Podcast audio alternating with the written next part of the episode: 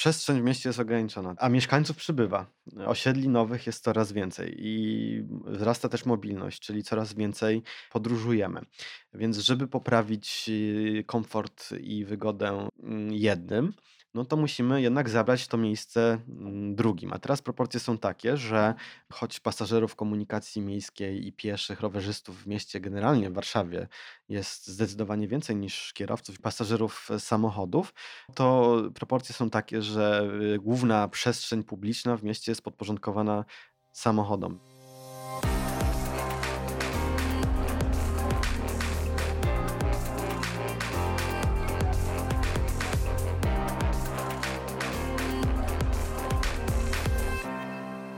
Zielony Podcast y, Krzysiek Grzyman, dzień dobry e, w nowym roku. E, pierwszy odcinek w 2020 roku. Razem ze mną Witold Urbanowicz z serwisu transportpubliczny.pl. Dzień dobry. Dzień dobry.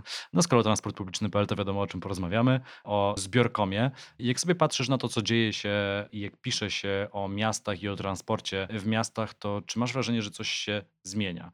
Siedzimy i nagrywamy w Warszawie. Czy z tego podejścia, gdzie samochody miały priorytet, przechodzimy może trochę w kierunku, albo bardzo w kierunku pieszych, e, rowerzystów i transportu publicznego, które stają się ważniejsze. Zdecydowanie więcej teraz uwagi się poświęca y, pieszym rowerzystom, ale jest to dosyć taki proces rozłożony w czasie.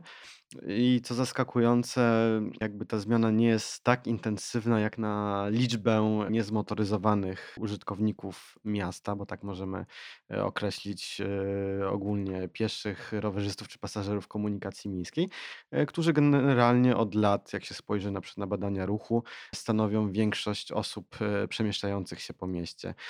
Tymczasem nadal w bardzo wielu miejscach tutaj nacisk przede wszystkim jest położony pod wygodę kierowców, a pasażerowie albo muszą iść naokoło, mm, korzystać z wąskich przystanków, więc jest jeszcze dużo do zrobienia, ale na szczęście się e, coraz więcej e, zaczyna mówić o, o zmianach e, w mieście.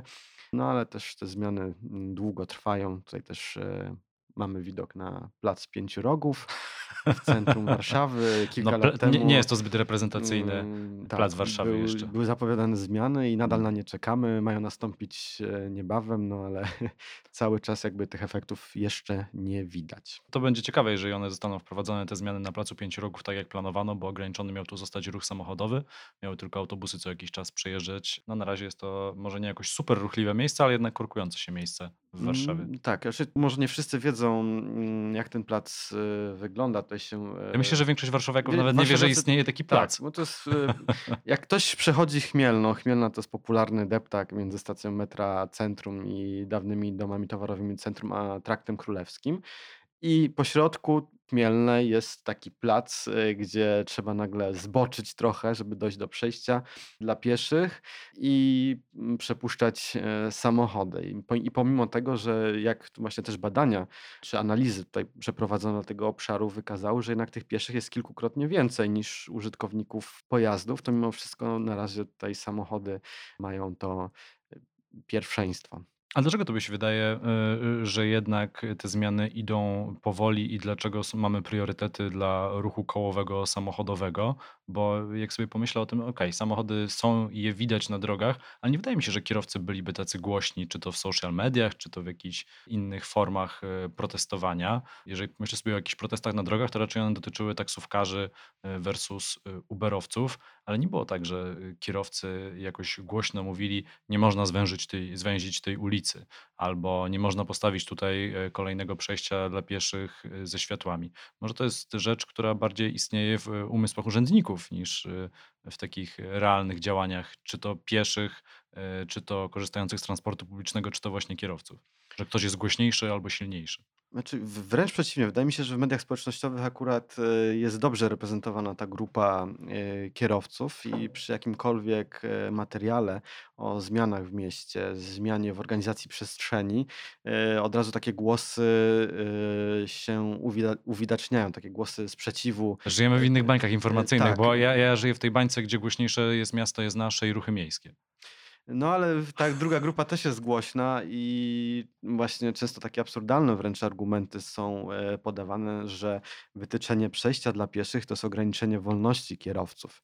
E, Że nagle nie wiadomo jakie rugowanie kierowców e, z centrum miasta, czyli mm, oddanie trochę przestrzeni dla pieszych, których jest w centrum miasta bardzo dużo, przez e, mniejszą grupę kierowców jest traktowane jako zagrożenie ich praw, które jakby ich zdaniem być może są takie nienaruszalne, więc e, mieliśmy takie dyskusje, wciąż mamy takie dyskusje o Świętokrzyskiej, jest pełno głosów, że po skończeniu budowy e, tego centralnego odcinka drugiej linii metra oraz e, zmianie przekroju ulicy, tam Armagedon się mm, występuje, godzinne korki, e, co jest ciekawe, bo na przykład Zarząd e, Dróg Miejskich e, mierzył czas przejazdu po Świętokrzyskiej i Alejach Jerozolimskich mm, i z analizy wyszło, że nadal e, pomimo zmian e, w, na Świętokrzyskiej, czyli zmniejszeniu przekroju ulicy, dodat- wprowadzeniu dodatkowych przejść dla pieszych, przejazd Świętokrzyską jest średnio szybszy niż e, równoległymi alejami jerozolimskimi, które mają po trzy pasy w jedną, trzy pasy w drugą, więc często ta mm, dyskusja ma taki charakter emocjonalny, nie zawsze tutaj podparty em, rzeczywistością. Ale jednak twoja obserwacja jest taka, że kierowcy są silni w social media. tak. No to też widać e, na przykład Grochowska, gdzie tramwaje warszawskie e, remont przeprowadzały też miejscami. E, ulica została zwężona z trzech pasów do dwóch pasów, co jakby przepustowości ulicy nie zmieniło, bo tam no jak mamy butelkę i wąskie ujście, no to bez względu na to jak szeroka będzie butelka, no to i tak jakby Zakorkuje się w pewnym zakorkuje miejscu. się w pewnym miejscu. To samo widzieliśmy na ulicy Górczewskiej, gdzie teraz jest budowane przedłużenie drugiej linii metra, gdzie też tutaj były silne głosy sprzeciwu części mieszkańców, części kierowców, że to spowoduje nie wiadomo jakie utrudnienia w funkcjonowaniu miasta, pomimo tego, że przecież budujemy metro, które pod Górczewską będzie pięć stacji metra i metro jest w stanie przewieźć e, kilka razy więcej osób niż się zmieszczą na ulicy Górczewskiej w samochodach. Wspomniałeś tutaj o obawie polityków. Myślę, że to też jest jak najbardziej uzasadniona sprawa i wynika z tego, że e, politycy i samorządowcy często nie korzystają po prostu z komunikacji miejskiej. O, prezydent Rafał Trzaskowski podobno jak tylko Y, może, to jedzie metrem. tak, prezydent Rafał Trzaskowski jeździ metrem, ale na przykład jego zastępca Robert Soszyński, który odpowiada za, teraz za mobilność w mieście, przede wszystkim korzysta z mm, samochodu i czego nie kryje. No to dobrze, jeden prezydent y, sprawdza transport publiczny, a drugi jak się jeździ samochodem. No tak, tylko że ten, który jeździ samochodem, odpowiada za transport publiczny i kształt ulic. E, I często właśnie z perspek- takiej perspektywy m, pewnych rzeczy się nie widzi. Nie widzi się właśnie, jak e, te główne place, ulice są niedostępne dla e, bardzo wielu mieszkańców. Na przykład tutaj w centrum Warszawy, Rondo Dmowskiego, też przecież ogromne dyskusje o tych przejściach naziemnych Mhm. dla pieszych cały czas się toczą i też mm, tutaj e, wśród kierowców nie ma zrozumienia dla potrzeby wytyczenia tych przejść, bo przecież są tak zwane bezpieczne przejścia podziemne. No Bezpieczne, ale na pewno niewygodne. Tak, bezpieczne i niewygodne, niedostępne dla wszystkich, e, bo co prawda tam są podnośniki, ale awaryjne. Te podnośniki nie są dostępne dla wszystkich grup e, osób przemieszczających się po Warszawie, dla osób na ciężkich wózkach elektrycznych, e, dla rowerzystów. No i ktokolwiek tam przesiada się z tramwaju do metra, czy między tramwajem a tramwajem, bądź do autobusu, wie jak niewygodny jest ten mm, węzeł, wąskie przystanki, zatłoczone przejście podziemne. No i zapach hinduskich kadzidełek, Tak, to wiadomo. e, I spalonych e, zapiekanek. No, dla mnie takim hitem i y, czymś, co przedstawia, e, jak w mieście myśli się o transporcie publicznym, był moment, kiedy kończono budowę drugiej linii metra i nagle rozgorzała dyskusja, ale to wśród urzędników, czy robić ten łącznik, czy nie robić. Czy to będzie potrzebne, czy ludzie będą chcieli się przesiadać z jednej linii metra na drugą, czy nie. A ja się wtedy zastanawiałem, nie no, to chyba niemożliwe, że taka dyskusja w ogóle trwa, czy budować łącznik między pierwszą linią metra a drugą. No to chyba oczywiste, na całym świecie się łączy te linie pod ziemią, a nie tak, że trzeba wejść na górę i zejść na dół z powrotem. A powstał łącznik, który, był, który jest oczywiście super niewygodny, e, no, podobno dlatego, że innego nie dało się zbudować. To jest bardzo e, długi i skomplikowany temat, bo e, w założeniach projektowych ten łącznik był, tylko jako, że umowa na budowę była realizowana w formule projektu i buduj, no to wykonawca metra musiał na podstawie projektu koncepcyjnego zaprojektować też całą linię. I na etapie koncepcyjnym ta stacja Świętokrzyska na drugiej linii trochę się przemieszczała i faktycznie mm, wykonawca proponował e, takie przejście naokoło przez antresolem, ale to nie znaczy, że wcześniej jakby nikt nie myślał o tym, żeby było bezpośrednie przejście pomiędzy Ale urzędnicy bronili tego pomysłu. No tak, urzędnicy często tutaj bronią różnych e, pomysłów, ale też to pokazuje, jak ta stacja została zaprojektowana, też takie problemy, z jakimi pasażerowie komunikacji miejskiej się spotykają. Często wydaje mi się, że tutaj brakuje wyobraźni wśród e, projektantów, bo być może e, gdyby zrobić mikrosymulację ruchu pieszego, co jest standardem przy projektowaniu węzłów przesiadkowych e, w państwach zachodnich, czyli sprawdzanie, jak te przyszłe potoki pieszych się rozłożą, to takie wąskie gardła mm, szybko wyszły. No a teraz zostaliśmy z tym łącznikiem, który już teraz się zapycha, pomimo tego, że druga linia właściwie. To jest kawałeczek dopiero. Kawałeczek, tak, ale po oddaniu kolejnych stacji tam e, sytuacja naprawdę będzie ciężka i teraz za bardzo nie ma co z tym zrobić. Nie ma prostych e, rozwiązań i wydaje mi się, że e, docelowo no to się albo skończy wprowadzeniem ruchu jednokierunkowego. No bo... Serio? No tak, bo tam generalnie jest kilka problemów. E, winda, która wchodzi w obrys e, przejścia i te schody ruchome, nie wiadomo po co, na części tylko łącznika, które ograniczają ruch. Które się jeszcze psują do tego tak, oczywiście. i jeszcze ograniczona przestrzeń na przykład na peronie drugiej linii metra, który jest bardzo zagracony. Tam są tutaj ogromne kolumny, E, wąskie przejścia przy krawędzi peronu i nie ma dużo też e, miejsca między tym łącznikiem a, a ścianą, więc tam będzie duży problem i bez e, albo ogromnych nakładów inwestycyjnych, wielomilionowych na na przykład budowę drugiego łącznika, no to tam nie ma żadnego prostego rozwiązania, które by w magiczny sposób uzdrowiło tę stację. No ale takie problemy widzimy wszędzie przy właśnie wszystkich nowych inwestycjach komunikacyjnych, że wygoda pasażerów nie zawsze jest brana pod uwagę. Widzimy to, jak węzły przysiadkowe w Warszawie wyglądają. Wilanowska na przykład, e, wielka pętla autobusów podmiejskich e, z Piaseczna. E, teraz chcemy zachęcać, żeby coraz więcej osób przyjeżdżało komunikacją mm, publiczną, a potem każemy się tym ludziom przesiadać na niezadoszonej pętli, iść naokoło bądź brodzić w błocie i to nikomu z samorządowców nie przeszkadza. Więc to jest jeszcze dużo, dużo do zrobienia. No i też e, jeszcze tak e, kończąc tę myśl, wydaje mi się, że problem polega też na tym, że projektanci często są oderwani od rzeczywistości i też nie korzystają z komunikacji publicznej, więc e, jakby nie mają takiego mm, doświadczenia użytkownika. Po głębokiej analizie warszawskiego metra, które może niektórych nie interesować, przejdźmy jednak do konkretów. Czy my jesteśmy gotowi na radykalne zmiany i na przykład zamknięcie centrów miast dla samochodów? Ja się pozbyłem samochodu 2,5 roku temu, przerzuciłem się na transport publiczny, czasem korzystam z carsharingu, e, czasem korzystam e, z Ubera czy taksówek, no ale tak w skali miasta, czy to Warszawy, czy innej dużej metropolii, takiej dość skoncentrowanej, e, moglibyśmy do centrum już teraz zamknąć. Wydaje mi się, że tak od razu zamknąć centrum e, nie, bo mimo wszystko tutaj e, komunikacja miejska by aż nie pomieściła wszystkich nowych e, chętnych, więc to jest proces stopniowy. Ale jeżeli już teraz. Nie pomieściłaby seria? Przecież tymi samochodami zwykle jeździ jedna, w każdym samochodzie jeździ jedna osoba. To prawda, e, bo nawet jak się spojrzy w liczby, tutaj co kilka lat e, w Warszawie są badania ruchu e, robione. Jak wynika z ostatnich badań ruchu, to jeżeli nie weźmiemy pod uwagę osób, które się przemieszczają pieszo po mieście, a sporo jest takich osób, które na przykład idą do pracy, do szkoły pieszo na krótkie dystanse, to 60% osób przemieszczających się na co dzień po Warszawie korzysta z transportu publicznego. Co jest super wynikiem w tak, skali Tak, super Polski. wynikiem w skali Polski i w skali nawet Europy.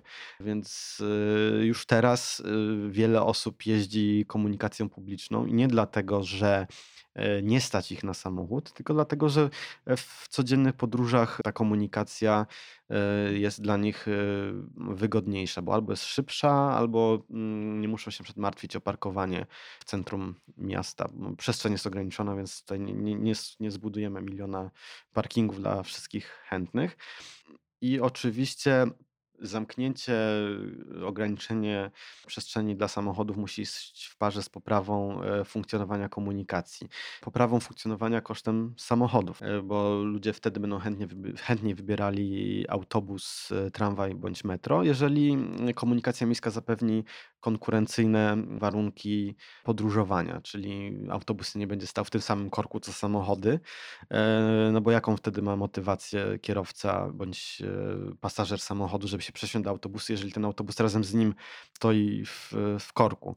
Więc tutaj potrzebne byłyby takie kompleksowe, zdecydowane działania, żeby ten transport publiczny też ulepszyć. Tym bardziej, że baza jest dobra, bo mamy e, dużo linii tramwajowych na wydzielonych torowiskach, więc... Jeszcze zielona fala by się pewnie przydała. Tak, zielona fala, tak zwane priorytety dla tramwajów, tak żeby e, niepotrzebnie stały na światłach. Tym bardziej, że tramwaje przed Warszawie bardzo szybko e, jeżdżą. To jest taka obserwacja często osób, które z innych miast przyjeżdżają, że te tramwaje pomiędzy przystankami gnają. To jest często takie głosy.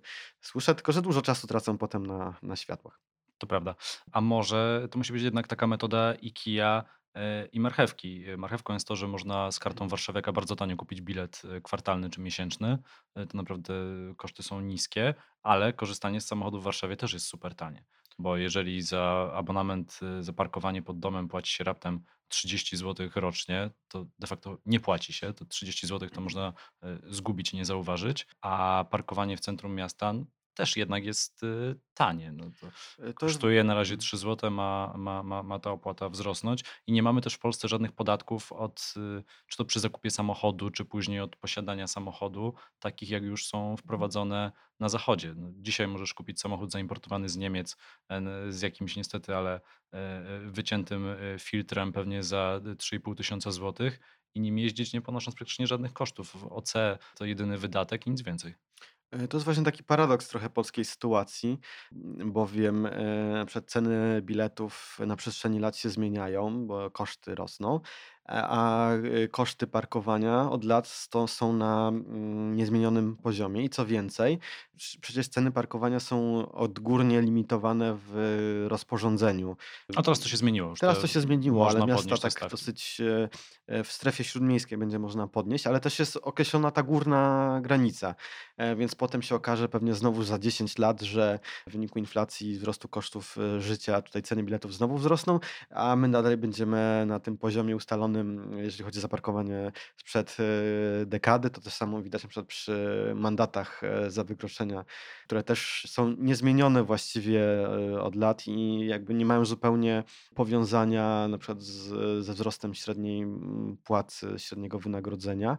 I to jest, y, to jest też mm, problem, no bo mm, to też pokazuje jednak, że politycy e, przede wszystkim patrzą oczami kierowców e, i zawsze Partia kierowców największa w e, Polsce. tak, zawsze się boją tutaj drażnić tę grupę wyborców, pomimo tego, że jak już wspomniałem, no z transportu publicznego w wielu przypadkach więcej osób korzysta niż z samochodów. A czy byłoby możliwe, żeby w mieście rozmiarów Warszawy, czy może trochę mniejszym wprowadzić darmowy transport y, publiczny? Czy darmowy w tym sensie, że mieszkańcy by za niego e, nie płacili, no miasto musiałoby za to wszystko zapłacić z zebranych podatków? To jest często taki temat, który się pojawia w różnych e, debatach i często No, Wydaje mi się, że trochę ucichł ten e, temat. trochę On był ucichł, e, ale popularniejszy myślę, 2-3 że lata temu. nie bez powodu ucichł, bowiem wydaje mi się, że to nie koszt jest tym decydującym czynnikiem, który sprawia, że ludzie decydują się na transport. Oczywiście w pewnym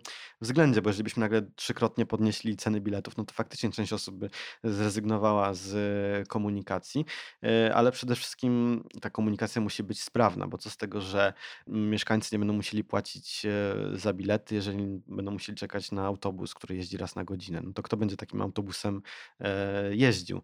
Więc przede wszystkim e, komunikacja musi często kursować, zapewniać konkurencyjny czas przejazdu i to jest ta podstawowa przymiotniki, które, którymi powinna się charakteryzować sprawna komunikacja i też trzeba wziąć pod uwagę, że na przykład w Warszawie co roku na funkcjonowanie funkcjonowanie komunikacji miejskiej wydajemy 3 miliardy złotych. To jest jedna z większych pozycji e, budżetowych i teraz nagle 800 milionów złotych dodatkowo co roku trzeba byłoby znaleźć, żeby zrekompensować ten ubytek z wpływów e, ze sprzedaży biletów przy e, cały czas rosnących kosztach, bo przecież prąd idzie w górę, wynagrodzenia idą mm, w górę, więc A dochody też samorządów wcale tak szybko nie rosną, bo a mamy wręcz zmiany tak, podatkowe. wręcz powiedziałbym, że są ograniczane, tak, bo e, jest sprawa subwencji e, edukacyjnej, e, czy przerzucania części kosztów na samorządy bez zrekompensowania utraconych wpływów, e, więc bezpłatny transport nie jest receptą w dużych miastach. Receptą jest sprawny transport. Oczywiście w mniejszych miastach, w niektórych przypadkach y, doświadczenia pokazują, że taki bezpłatny transport się sprawdza, ale on też musi być przede wszystkim e, efektywny. Na przykład mamy francuskie miasto Dunkierka, gdzie wprowadzono bezpłatny transport, ale przy okazji przeorganizowano ten transport, tak żeby autobusy jeździły często, zorganizowano miejsca przesiadkowe i to dopiero przyniosły efekty. Czyli nie, nie tylko samo zniesienie biletów, ale w ogóle przeorganizowanie, usprawnienie tego transportu, dopiero to jakby mm, e, przyniosło te pożądane, oczekiwane efekty. Tak jak rozmawiamy o ograniczeniu samochodów w centrum miasta, się tak krygujemy, że to jeszcze nie ten moment, może to musi być wszystko lepiej zorganizowane, a może trzeba spojrzeć na problem inaczej. Może jeżeli chcemy poradzić sobie ze smogiem w dużych aglomeracjach, którego źródłem bardzo często jest właśnie transport, y, nie tylko niska emisja, bo z tą się y, walczy y, w inne sposoby, to może trzeba powiedzieć, no trudno, no niektórym będzie po prostu niewygodniej i kropka. Dokładnie się zgadzam. Przestrzeń w mieście jest ograniczona, a mieszkańców przybywa. Osiedli nowych jest coraz więcej i wzrasta też mobilność, czyli coraz więcej podróżujemy. Więc żeby poprawić komfort i wygodę mm, jednym, no to musimy jednak zabrać to miejsce mm, drugim. A teraz proporcje są takie, że choć pasażerów komunikacji miejskiej i pieszych, rowerzystów w mieście, generalnie w Warszawie jest zdecydowanie więcej niż kierowców i pasażerów e, samochodów, to proporcje są takie, że y, główna przestrzeń publiczna w mieście jest podporządkowana samochodom. Widzimy to, na, gó- jak spojrzymy na główne place Warszawy, że to są wielkie parkingi. Tutaj na ten plac Pięciu Rogów, gdzie mamy wielką przestrzeń dla samochodów, e, szerokie jezdnie. O, nawet nie jest dla samochodów częściowo przeznaczona, po prostu tam stają. Tak, po prostu tam stoją, chociaż to jest stanęło takie oko Saurona, bym to nazwał, Straży Miejskiej i nagle problem się rozwiązał nielegalnego parkowania. Trzeba by wszędzie te wieże stawiać. No i nawet, nawet na przestrzeni przeznaczonej dla pieszych, na chodnikach też mamy samochody.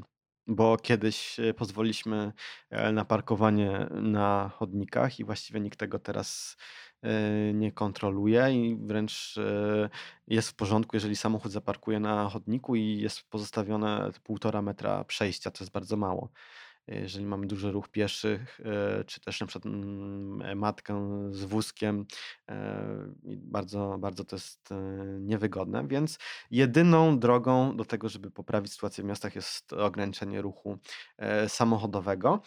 Tym bardziej, że jest wiele takich miejsc, gdzie można to zrobić nawet bezproblemowo, bo na przykład mamy Aleję Jana Pawła II przy dworcu centralnym, gdzie tam miejscami ulica ma po pięć pasów e, ruchu, a to jest w żaden sposób nieuzasadnione, bo dalej są e, dwa bądź trzy pasy i wcześniej też są dwa bądź trzy pasy, więc sz- zmniejszenie przekroju ulicy w tym miejscu no nie spowoduje mm, żadnego Armagedonu, bo i tak e, tym punktem krytycznym są skrzyżowania, które mają ograniczoną przepustowość z uwagi na sygnalizację i na, na to, ile sam pojazdów może przejechać, więc możemy bez straty dla nikogo te dwa pasy zabrać, e, poprawiając warunki pieszym, e, rowerzystom, e, wprowadzając zieleń, ale też i kierowcom, część jezdni można przeznaczyć na dodatkowe miejsca do parkowania. A patrząc na samą infrastrukturę transportową, publiczną, zbiorową w miastach, e, jakie inwestycje są dziś najpotrzebniejsze albo najsensowniejsze, najbardziej efektywne? E, Autobusy e, przechodzą na napęd e, elektryczny, e, można jeszcze im wyznaczać buspasy, wtedy mogą się szybciej poruszać. E, Mamy transport szynowy, czyli tramwaje obecne w wielu miastach. No wreszcie w Warszawie mamy metro, ale zdaje się, że są też takie pomysły jak metrobusy. No, Metrobusy to w dużej mierze taka, można powiedzieć, marketingowa nazwa dla autobusu, który ma jeździć e, szybciej. E, Bo metro w Warszawie e, cieszy się bardzo dobrą opinią. Generalnie jest często nie tylko w Warszawie, ale w bardzo wielu miastach postrzegana jako ten najlepszy środek e, transportu, więc nazwa Metrobus nawiązuje do, przez skojarzenia do tego e, dobrego środka transportu. Metrobus to jest taki e, bardziej rozwinięty autobus na swoim buspasie. Tak, to tak też często określa się mianem BRT, czyli Bus Rapid Transit, czyli taki środek transportu, który ma wydzieloną trasę i w pełni wydzieloną, czyli nie tylko na pewnym odcinku, jak to na przykład w Warszawie jest często, że jest buspas, ale potem na skrzyżowaniu ten buspas się kończy e, i autobus i tak utyka na, na przystanku przy skrzyżowaniu, tylko jest ta trasa w pełni wydzielona. Często na przykład też e, te autobusy mają, mm, można powiedzieć, że nie szyny, ale takie rowki, które e, sprawiają, że ten pojazd może szybciej się też poruszać. Coś E, jak na Alei Solidarności w Warszawie? Po środku? Coś, y, znaczy u nas w Polsce właśnie takiego rozwiązania nie ma typowego, że byłaby wydzielona trasa tylko i wyłącznie autobusowa. Ale wracając do pytania. Wracając do pytania, więc zacznę może od e, autobusów elektrycznych, bo teraz e, wszędzie jest trend na elektromobilność, nawet takie małe miasta jak Miechów kupują autobusy mm, elektryczne. Ale E, dostają też na to wsparcie. Dostałem na to wsparcie, tak, ale to jest e, wsparcie na zakup, a potem jest szereg wyzwań, które stoją przed tą technologią, czyli przed e, żywotność baterii, e, wymiana tych baterii, e, zasięg e, pojazdu. Więc oczywiście tutaj jak najbardziej należy dążyć do tego, żeby ogólnie e, transport był jak najmniej emisyjny, ale jak już wiele osób zauważyło, że autobus elektryczny stojący w korku nie przewiezie więcej pasażerów niż e, autobus e, spalinowy. Więc jakby zmiana technologii powinna być jednym z działań, ale nie jedynym. Też na przykład e, władze niektórych przedsiębiorstw komunikacyjnych e, zwracały uwagę na to, że zgodnie z ustawą muszą wprowadzić mm, określony procent e, pojazdów e, niskoemisyjnych, czyli elektrycznych bądź gazowych, e, przy czym ich zakup jest nadal droższy, nawet przy, przy dofinansowaniu, a zasięg takiego pojazdu jest mniejszy, bowiem autobus elektryczny musi być doładowywany, więc postoje muszą być dłuższe, bądź e, jeżeli ma mieć większy zasięg, to musi mieć większą e, baterię, więc ma mniejszą pojemność. I na przykład za te same pieniądze można byłby byłoby kupić, e, więcej autobusów spalinowych z silnikami spełniającymi najwyższe normy emisji i w ten sposób zwiększyć zasięg, komunikacji i osiągnąć, cel w inny sposób, czyli przewieźć więcej pasażerów, zachęcić, większą liczbę mieszkańców do korzystania z komunikacji publicznej poprzez poprawę oferty. E, A tymczasem no, my się kon- skoncentrowaliśmy na tym, żeby mm, tutaj wprowadzać te autobusy elektryczne bez jakby mm, poprawy całej, całej komunikacji. No i też może się okazać za kilka lat, że na przykład e, taki już przywołany przeze mnie Miechów będzie miał problem z tymi autobusami elektrycznymi, bo ich e, utrzymanie będzie, e, będzie kosztowało, a lepszy efekt komunikacyjny by osiągnął, gdyby na przykład zamiast tych dwóch autobusów kupił e, cztery mniejsze autobusy spalinowe, które by częściej jeździły i stanowiły lepszą zachętę do korzystania z komunikacji publicznej. Więc Ale, przed, zielo, ale zielone serduszko podpowiada jednak, że niekorzystanie z paliw kopalnych. E, Oczywiście, tak. Ale jakby to nie autobusy generują tutaj największą e, emisję w miasta, tylko jednak e, samochody, więc jak najbardziej tutaj należy zmniejszać emisję. Też na przykład już autobusy hybrydowe czy e, gazowe też e, na nie patrzeć. No i zmniejszać jednak e, potrzebę korzystania z samochodu. Więc jak należy tutaj, jakie działania należy podjąć? E, Przede wszystkim na przykład też takie działania, e, można powiedzieć, organizacyjne, które nadal w, jesteśmy w tyle, jeżeli chodzi o inne miasta, czy na przykład integracja komunikacji. W Warszawie to jeszcze dobrze działa, na przykład w wielu miastach w Polsce jest tak, że musimy mieć oddzielny bilet na komunikację miejską, oddzielny bilet na pociąg a tymczasem właśnie kolej odgrywa coraz większą rolę w transporcie, zwłaszcza pomiędzy aglomeracją a miastem, a przez to, że nie ma tej integracji, no to jednak wiele potencjał nie jest y, wykorzystywany yy, tego układu komunikacyjnego i mamy dużo aut wjeżdżających y, właśnie z aglomeracji do miast, y, bowiem właśnie nie ma dobrej oferty, dobrej komunikacji. Na przykład mamy Trójmiasto, gdzie tam e, SKMK jest e, w mieście, odgrywa dużą, du, dużą rolę i e, oddzielne bilety są na SKM-kę, oddzielne na mm, autobusy, tramwaje czy trolejbusy. No i efekt jest taki, że jak ktoś musi zapłacić więcej za taki bilet, y, czy za 2 bilety, no to no nie kupi mm, tego biletu. Widzieliśmy to w Warszawie, mm, gdy nie było wspólnego biletu, że jednak ludzie z kolei nie korzystali, no bo mm, radzili sobie autobusami. Więc e, integracja i wspomniane już wcześniej wielokrotnie tutaj e, inwestycje zmierzające w kierunku usprawnienia komunikacji, czyli buspasy, priorytety dla tramwajów, e, czy też w niektórych miastach wręcz wydzielenie trasy tramwajowej z ruchu ogólnego. O, ktoś się wkurzył na drodze. Tak. Bo na przykład w Krakowie przecież były takie du duże dyskusje. E, tramwaje na jednej z ulic e, traciły bardzo dużo czasu, bowiem e, linia była prowadzona w ruchu ogólnym i w pewnym momencie Kraków wprowadził separatory, mm, tak żeby tramwaje przejeżdżały, nie były blokowane przez, przez samochody i też było bardzo dużo dyskusji, że przez to umiera miasto, ogromne korki i tak dalej. Więc już na takim poziomie też e, tutaj musimy świadomość e, zmieniać. A co z taką dyskusją, czy inwestować w rozwój linii autobusowych, czy może jednak w rozwój infrastruktury szynowej, e, w tramwaje, a może jest jeszcze jakaś Mhm. trzecia droga, trolejbusy, tak żeby zelektryfikować transport, ale jednocześnie nie aż tyle inwestować w Bardzo, przygotowanie. bardzo ciekawy temat, bo oczywiście komunikacja szynowa więcej kosztuje, ale doświadczenia bardzo wielu miast y, w Europie, bo teraz mamy taki renesans na tramwajów. Y, Do Francji tramwaje wracają, w Danii nie, kilka lat temu otwarto po 50 latach nową sieć, pierwszą sieć tramwajową. Powstają nowe sieci tramwajowe i właśnie doświadczenia pokazują, że w mieście, gdzie wprowadzono komunikację szynową, e, to pasażerów e, korzystających z komunikacji jest e, więcej niż przy na przykład wcześniejszej komunikacji autobusowej. Coś takiego jest, że tutaj chętniej korzystamy, gdy, gdy mamy ten tramwaj, czy środek transportu ma swoją trasę, wiemy jak on pojedzie, więc y, tutaj ja jestem zwolennikiem komunikacji szynowej. W Polsce tylko Olsztyn się na to zdecydował i też e, tutaj liczba pasażerów korzystających z komunikacji wzrosła po wprowadzeniu tramwaju. Też tramwaj daje bardzo duże możliwości prowadzenia mm, w strefach e, ruchu ograniczonego czy tam, gdzie chcemy mm, zamknąć ulicę dla, dla samochodów, no to tramwaj e, zupełnie nie kłóci się z deptakiem czy ruchem pieszym. E, widzimy to w bardzo wielu miastach, tylko oczywiście jest pytanie o koszty. E, ile chcemy wydać, przeznaczyć na komunikację.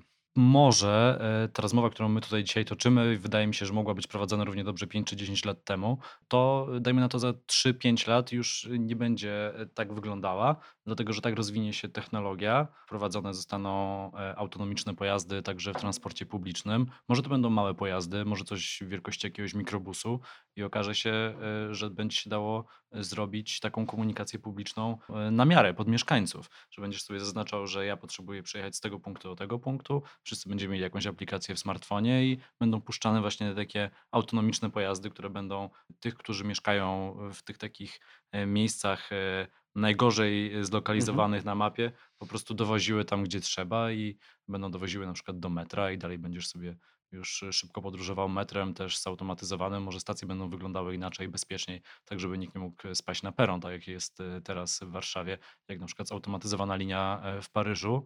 I trochę cała, cały ten transport się zmieni. Już nie mówię o Hyperloopie, który mógłby nas przewozić na większe odległości.